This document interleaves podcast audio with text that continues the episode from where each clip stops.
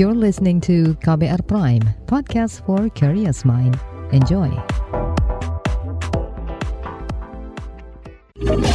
Kamu lagi dengerin What's Trending KBR Pagi.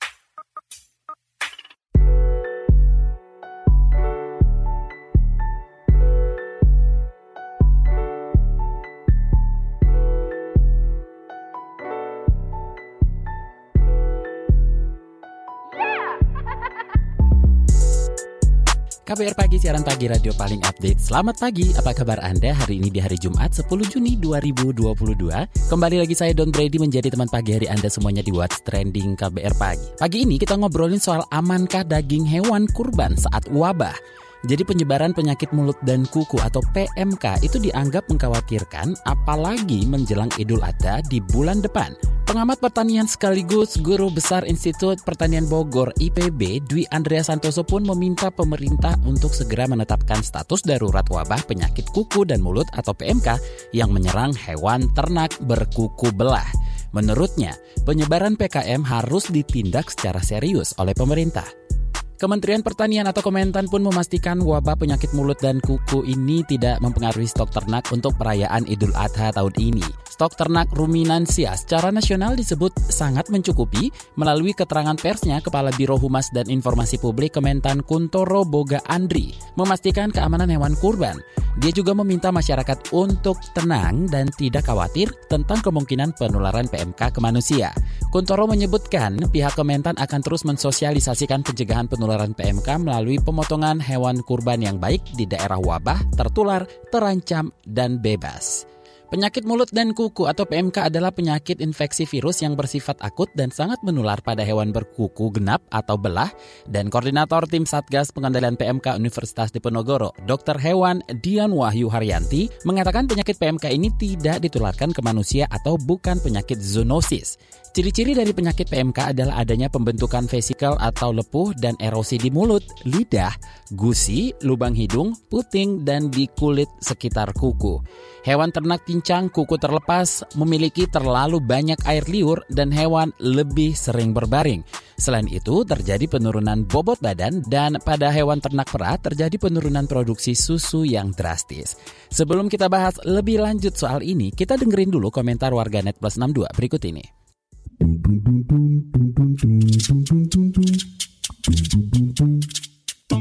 Kita ke komentar at Masjid Kampus UGM. Menyambut Idul Adha saat situasi wabah PMK merupakan sebuah tantangan. Perlu kesiapan tiap masjid dalam mempersiapkannya. Untuk itu Masjid Kampus UGM dan Aksi mengundang takmir masjid se-DIY guna mendalami persiapan kurban saat ini. Lalu komentar at Alpha XX, sebentar lagi masuk bulan kurban. Semoga Allah segera angkat penyakit PMK ini dan memudahkan para pemelihara sapi di situasi kayak gini. Sedih banget sih lihat foto dan video sapi-sapi pada lemes di timeline. Komentar at Ikhwanus XX saat nemenin orang tua nyari hewan buat kurban, ngelihat raut wajah para penjual sapi yang terlihat jelas, mereka sedang sedih dan tertekan karena virus PMK yang sedang mewabah. Kalau tahun lalu kandang selalu full tiap mendekati Idul Adha, sekarang tidak sampai setengahnya. Lanjut at bot XX, gua merasakan kesedihan kehilangan yang disayanginya. Penyakit PMK pada sapi juga mengkhawatirkan banget untuk peternak dan penjual hewan kurban. Pas banget nih momentum sebentar lagi Idul Adha, semoga aja sapi-sapinya sehat dan laku. Lalu at Wahyu XX, minimnya edukasi dan pendampingan dari dinas terkait dan minimnya ketersediaan SDM, terutama dokter hewan, membuat penyebaran ini juga turut sulit dikendalikan. Perbatasan antara daerah begitu longgar dan tanpa pengawasan. Lalu at Lapik XX, panitia kurban bingung nih nyari sapi yang sehat. Kalaupun sekarang dapat, masih ketar-ketir dalam sebulan gak tahu bakal kejadian ketularan PMK atau enggak. Biasanya pada rebutan ngerawat sapi kurban yang dibeli sebulan sebelum disembelih. Sekarang gak ada yang berani. Komentar at Ilham XX mendekati hari raya Idul Adha ini dari beberapa minggu lalu udah rame beritanya tentang penyakit mulut dan kuku sapi. Penyakit ini merupakan wabah virus yang mudah banget menular. Ini bencana yang serius dalam dunia peternakan. Dan terakhir komentar at Hidu XX, kesadaran masyarakat umum terkait wabah PMK masih rendah. Begitu pula kewaspadaannya. Buat peternak atau pedagang kurban yang paling penting sanitasi, ternak maupun kandang, cek kesehatan ternak secara rutin berkala. Sebisa mungkin meminimalisir mobilisasi ternak keluar masuk farm. What's trending KBR pagi? Balik lagi di What's Trending KBR Pagi, kita lanjutkan ngobrolin soal amankah daging hewan kurban saat wabah PKM melanda. Nah, jadi Sekretaris Jenderal Kementerian Pertanian Kasdi Subagiono mengungkapkan upaya-upaya yang dilakukan untuk mengatasi wabah penyakit mulut dan kuku.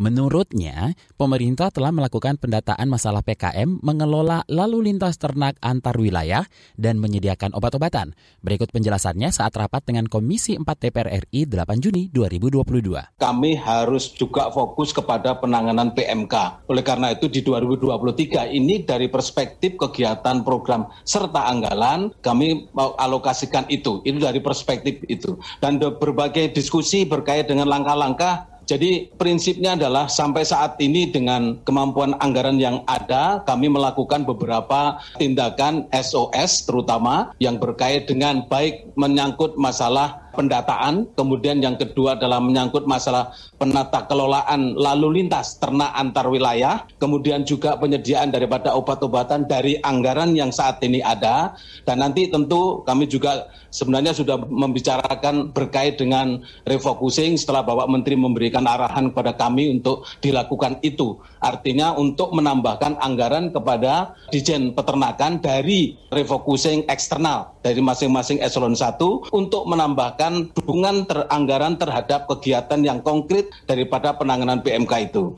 Itu yang berarti perspektif anggaran. Kemudian dari beberapa yang sudah kita lakukan, artinya bahwa langkah konkret untuk untuk menangani ini tidak dari saja perspektif di pusat tetapi juga di daerah. Komunikasi kami juga kami lakukan dengan para gubernur dan juga bupati wali kota. Kemudian juga sudah kami melaporkan untuk pelibatan daripada TNI dan Polri juga sudah kita kami lakukan. Ada usulan untuk bisa memberikan masukan melibatkan juga perguruan tinggi. Nah, itu juga ini yang belum kami lakukan bahwa penanganan yang berkait dengan masalah pengawalan untuk di checkpoint lalu lintas itu juga memerlukan daripada pendampingan Polri TNI. Kemudian yang berkait dengan lockdown dan juga berkait dengan pembagian daripada obat-obatan dalam implementasinya itu melibatkan itu. Perguruan tinggi masih dalam rencana dalam perlibatan ini, tapi beberapa sudah kita memberi mintakan masukan untuk bisa dari perspektif akademiknya untuk bisa kita buat kebijakan yang lebih yang lebih tajam begitu.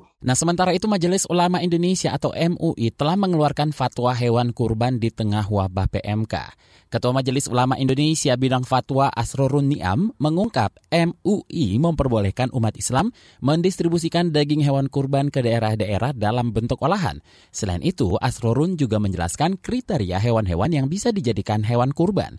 Seperti apa kriterianya? Kita dengarkan fatwanya.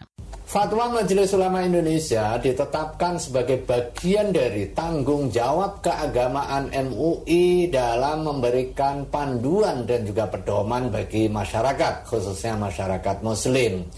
Nah, untuk memberikan panduan tersebut, maka MUI membahas dan juga menetapkan fatwa. Salah satunya adalah penyakit mulut dan kuku itu diverifikasi menjadi dua jenis Jenis yang pertama, penyakit mulut dan kuku yang gejala klinisnya kategori ringan. Seperti apa? Seperti uh, lepuh pada uh, kuku ya, uh, tetapi dia tidak berdampak kepada uh, kondisi uh, kualitas daging. Kemudian juga tidak berdampak kepada kekurusan secara permanen tidak berdampak kepada adanya kecacatan uh, yang menyebabkan kepincangan atau sampai tidak bisa jalan. Dalam kondisi yang seperti ini, uh, Majelis Ulama Indonesia menetapkan hewan tersebut sah untuk kepentingan pelaksanaan ibadah kurban. Tetapi ada jenis yang kedua, uh, hewan yang terjangkit penyakit mulut dan kuku kategori berat.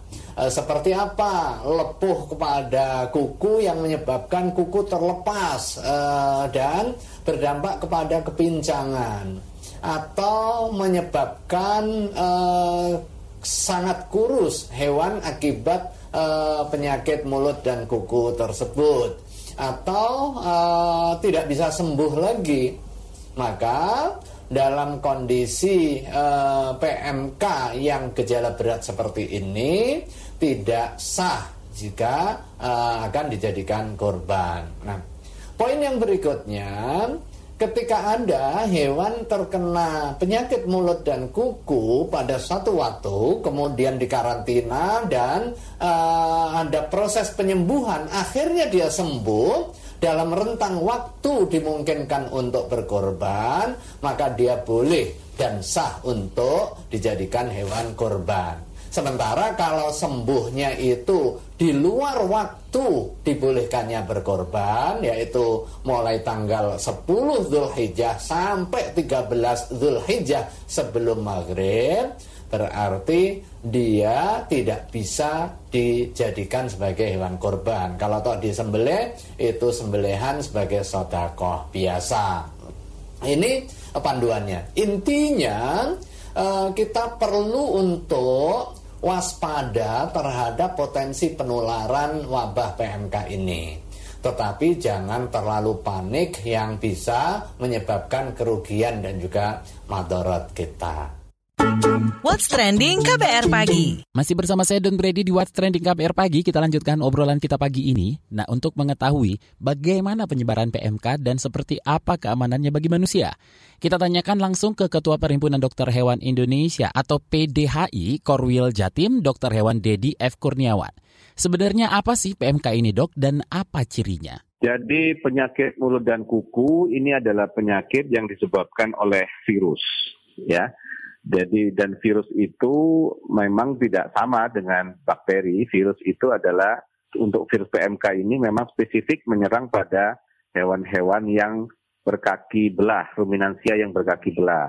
Tapi kambing, domba, kerbau ditambah dengan babi begitu. Virus ini juga akan menimbulkan lesi, menimbulkan peradangan-peradangan sesuai dengan namanya di sekitar mulut dan di sekitar kuku pada hewan-hewan yang terinfeksi. Ketika hewan itu terinfeksi oleh penyakit ini, oleh virus ini, maka secara otomatis akan muncul gejala spesifik pada daerah sekitar mulut dan kuku. Kadang-kadang memang ketika hewan mati ada gejala spesifik jantungnya itu agak ada pembengkakan, tetapi ini adalah gejala umum yang ada di banyak penyakit. Sehingga kalau memang pada sapi yang sudah mati, luka pada sekitar mulut dan luka pada sekitar kuku itu masih tetap ada. Tetapi pada dagingnya, pada organ-organ yang lainnya tidak secara spesifik akan menunjukkan perubahan yang signifikan. Nah aman nggak sih dok daging dari hewan yang terkena PMK untuk manusia? Organisasi Kesehatan Internasional OIE sudah menyatakan bahwa penyakit mulut dan kuku ini bukan termasuk dalam kategori zoonosis. Zoonosis itu penyakit yang bisa menular dari hewan ke manusia atau sebaliknya. OIE sudah mengumumkan, sudah mendeklarasikan bahwa ini bukan termasuk zoonosis. Sehingga daging yang berasal, bahkan daging yang berasal dari penyakit eh, dari sapi atau hewan terinfeksi dari penyakit mulut dan kuku ini tidak akan menularkan virus ke manusia. Aman untuk dikonsumsi manusia, baik itu dagingnya maupun susunya. Aman untuk dikonsumsi manusia, manusia yang mengkonsumsi ini tidak akan tertular penyakit mulut dan kuku. Gimana dengan cara pemasakannya? Ya, ini menarik. Jadi, alhamdulillah kebiasaan kita di Indonesia, cara kita mengolah bahan asal hewan, baik itu daging maupun susu, itu semakin memperkuat keamanan dari produk-produk hewan, apalagi yang berkaitan dengan infeksi penyakit mulut dan kuku ini. Orang Indonesia sebagian besarnya, atau kita bisa bilang hampir seluruhnya, itu memasak dulu secara matang ya, baik itu daging maupun susu. Sehingga apalagi dengan proses pemasakan yang matang itu virusnya sudah otomatis akan mati ya. Kalau susu Cara mengolahnya sederhana saja dengan proses pasteurisasi yang biasa dilakukan oleh masyarakat Indonesia. Kita mengenalnya kalau proses pemasakan pasteurisasi ini adalah pemasakan pemanasan secara tidak langsung. Jadi kalau bahasa orang awam itu disebut dengan di tim begitu ya. Oke, rekomendasinya seperti apa? Ya, pada dasarnya begini, setiap kita mengalami kejadian infeksi, baik itu virus maupun bakteri ataupun yang lain, pada dasarnya kita harus melakukan empat hal ya. Yang pertama adalah isolasi. Hewan yang terinfeksi harus kita upayakan untuk tidak melakukan perjalanan ke mana pun dan kita harus melakukan uh, isolasi pemisahan terhadap hewan yang sehat. Yang kedua, kita harus melakukan sanitasi, memastikan supaya menjaga kebersihan seluruh area yang berhubungan dengan aktivitas di peternakan sapi itu sendiri, baik manusianya, peralatannya maupun areanya kandang sapi itu sendiri. Yang ketiga, yang kita harus lakukan adalah melakukan desinfeksi. Prosedur untuk melakukan desinfeksi sebelum memasuki kandang, kemudian setelah memasuki kandang, setelah bekerja di kandang, sebelum menyelesaikan pekerjaan di kandang, bagi peternak-peternak sapi perah barangkali ya, sebelum perah, kemudian sebelum mengirimkan susunya, proses desinfeksi ini wajib untuk kita lakukan. Jadi memang teman-teman bapak-bapak semuanya, para konsumen, para peternak wajib untuk memilih desinfeksi yang tepat. Tidak semua desinfektan itu bisa efektif untuk penyakit mulut dan kuku. Nah, yang keempat baru kita melakukan vaksinasi. Memang vaksinasi ini menjadi persyaratan yang paling mendasar sekali untuk bisa membuat penyakit PMK ini bisa kita turunkan bahkan bisa kita hilangkan. Bahkan juga kita sudah mendapatkan contoh di banyak negara, beberapa negara sudah bebas dari PMK berdasarkan aktivitas vaksinasi seperti ini. Jadi itu yang sama-sama kita bekerja sama untuk memastikan PMK ini bisa kita tekan. Terima kasih Ketua Perhimpunan Dokter Hewan Indonesia Korwil Jatim, Dr. Hewan Dedi F. Kurniawan. What's Trending KBR Pagi Commercial break. Commercial break. Warga negara Indonesia yang pernah bergabung dengan ISIS ada yang menyatakan ingin kembali atau balik ke Indonesia. Ada beberapa wartawan juga yang mempertanyakan sebetulnya kepulangan mereka itu ada payung hukumnya. Berbagai peristiwa terjadi di sekitar kita, mengundang tanya, memancing ruang-ruang diskusi. Ruang Publik membahas berbagai peristiwa yang hangat diperbincangkan publik, menghadirkan narasumber kompeten, membuka perspektif, dan mendorong hadirnya solusi dan narasi baru. Kalau ada keluarga kita yang punya urusan dengan aparat seperti jual beli mobil, lalu terjadi seperti pemaksaan, itu bisa hmm. dilaporkan ke polisi juga nggak ya? Ruang Publik KBR hadir Senin hingga Jumat pukul 9 waktu Indonesia Barat. Perbincangan ini juga hadir dalam bentuk podcast di kbrprime.id. Mari berdiskusi di ruang publik melalui saluran bebas pulsa 0800 140 3131. Ruang Publik KBR, salurkan aspirasi Anda. KBR, inspiratif, terpercaya. What's Trending KBR Pagi. Kita sudah di segmen terakhir KBR Pagi, tapi saya mau kasih informasi untuk Anda kalau tahun ini ada yang berbeda dari Jakarta Fair Kemayoran 2022. Apa yang beda? Jadi untuk masuk area konser, para pengunjung diharuskan membeli lagi tiket konser. Nah, pihak penyelenggara juga akan membatasi jumlah pengunjung yang akan masuk area konser. Ingat ya, kita masih pandemi COVID-19, jadi perlu ada pembatasan supaya aman.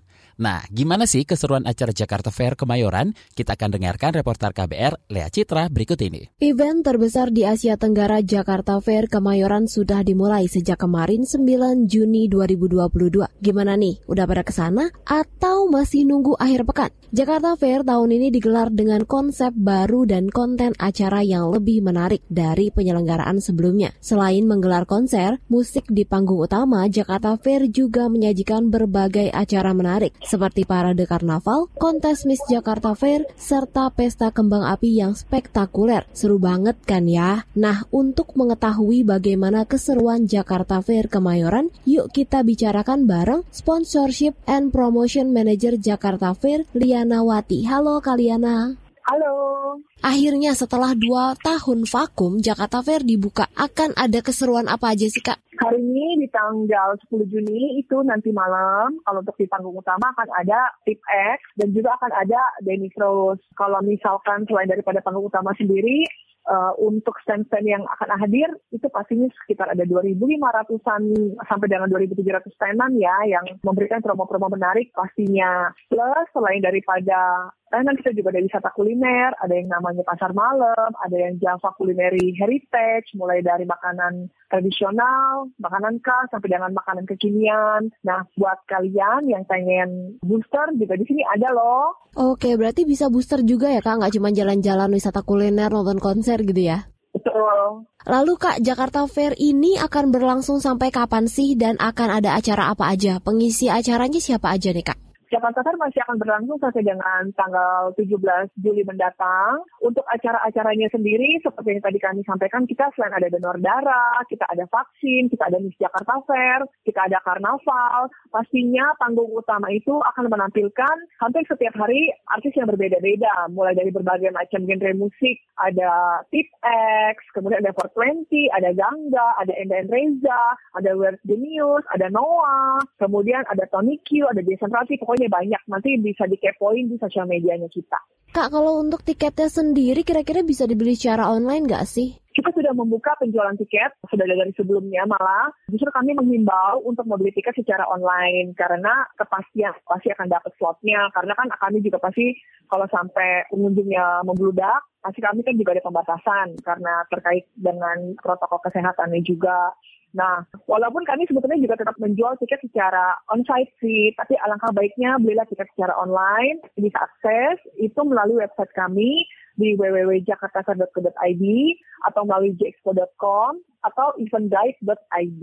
Kak, kalau tahun ini soal prokesnya seperti apa nih? Untuk prokesnya sendiri, kami mewajibkan untuk pengunjung yang datang minimal itu sudah divaksin sebanyak dua kali. Nanti seperti biasa akan ada pengukuran suhu dan akan ada scan yang terintegrasi dengan peduli lindungi. Dan di dalam area juga kami menyiapkan titik-titik untuk mencuci tangan dan hand sanitizer. Kemudian akan ada satgas COVID yang berkeliling untuk memantau dan mengawasi kalau diingatkan nih misalkan kalau kalau ada yang nggak pakai masker, kurang lebih seperti itu. Kak, tanggal 9 kemarin kan sudah dibuka nih ya. Kira-kira gimana sih antusiasmenya setelah 2 tahun ini kan ya vakum? Antusiasnya untuk tahun ini sangat baik, malah kita nggak nyangka. Ternyata sudah banyak banget yang kangen sama Jakarta Fair Kemayoran. Kayaknya kami juga senang banget, ternyata Jakarta Fair punya tempat sendiri di hati kita semua.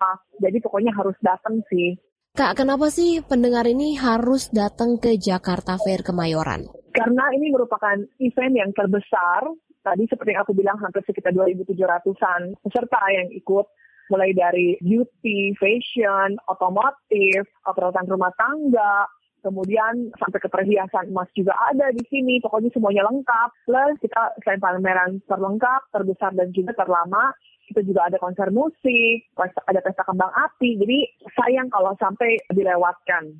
Kak, bagi pengunjung yang masih kepo atau masih pengen cari tahu info secara detail bisa ke mana sih Kak? kalian bisa akses sosial media kita untuk TikTok dan Facebook di Jakarta Fair atau untuk Instagram dan juga Twitter kita di @jakartafair_id. Oke baik, terima kasih banyak ya Kak informasinya. Itu dia tadi Sponsorship and Promotion Manager Jakarta Fair Liana Wati. Thank you Kak. What's Trending KBR Pagi Demikian KBR Pagi hari ini. Terima kasih sudah mendengarkan. Dan jangan lupa kalau Anda ketinggalan, Anda juga bisa mendengarkan di podcast kami yang ada di kbrprime.id dan juga di aplikasi mendengarkan podcast lainnya. Don Brady undur diri. Have a nice day. Have a nice weekend. Stay safe. Bye-bye. Terima kasih ya sudah dengerin What's Trending KBR Pagi. KBR Prime, cara asik mendengar berita.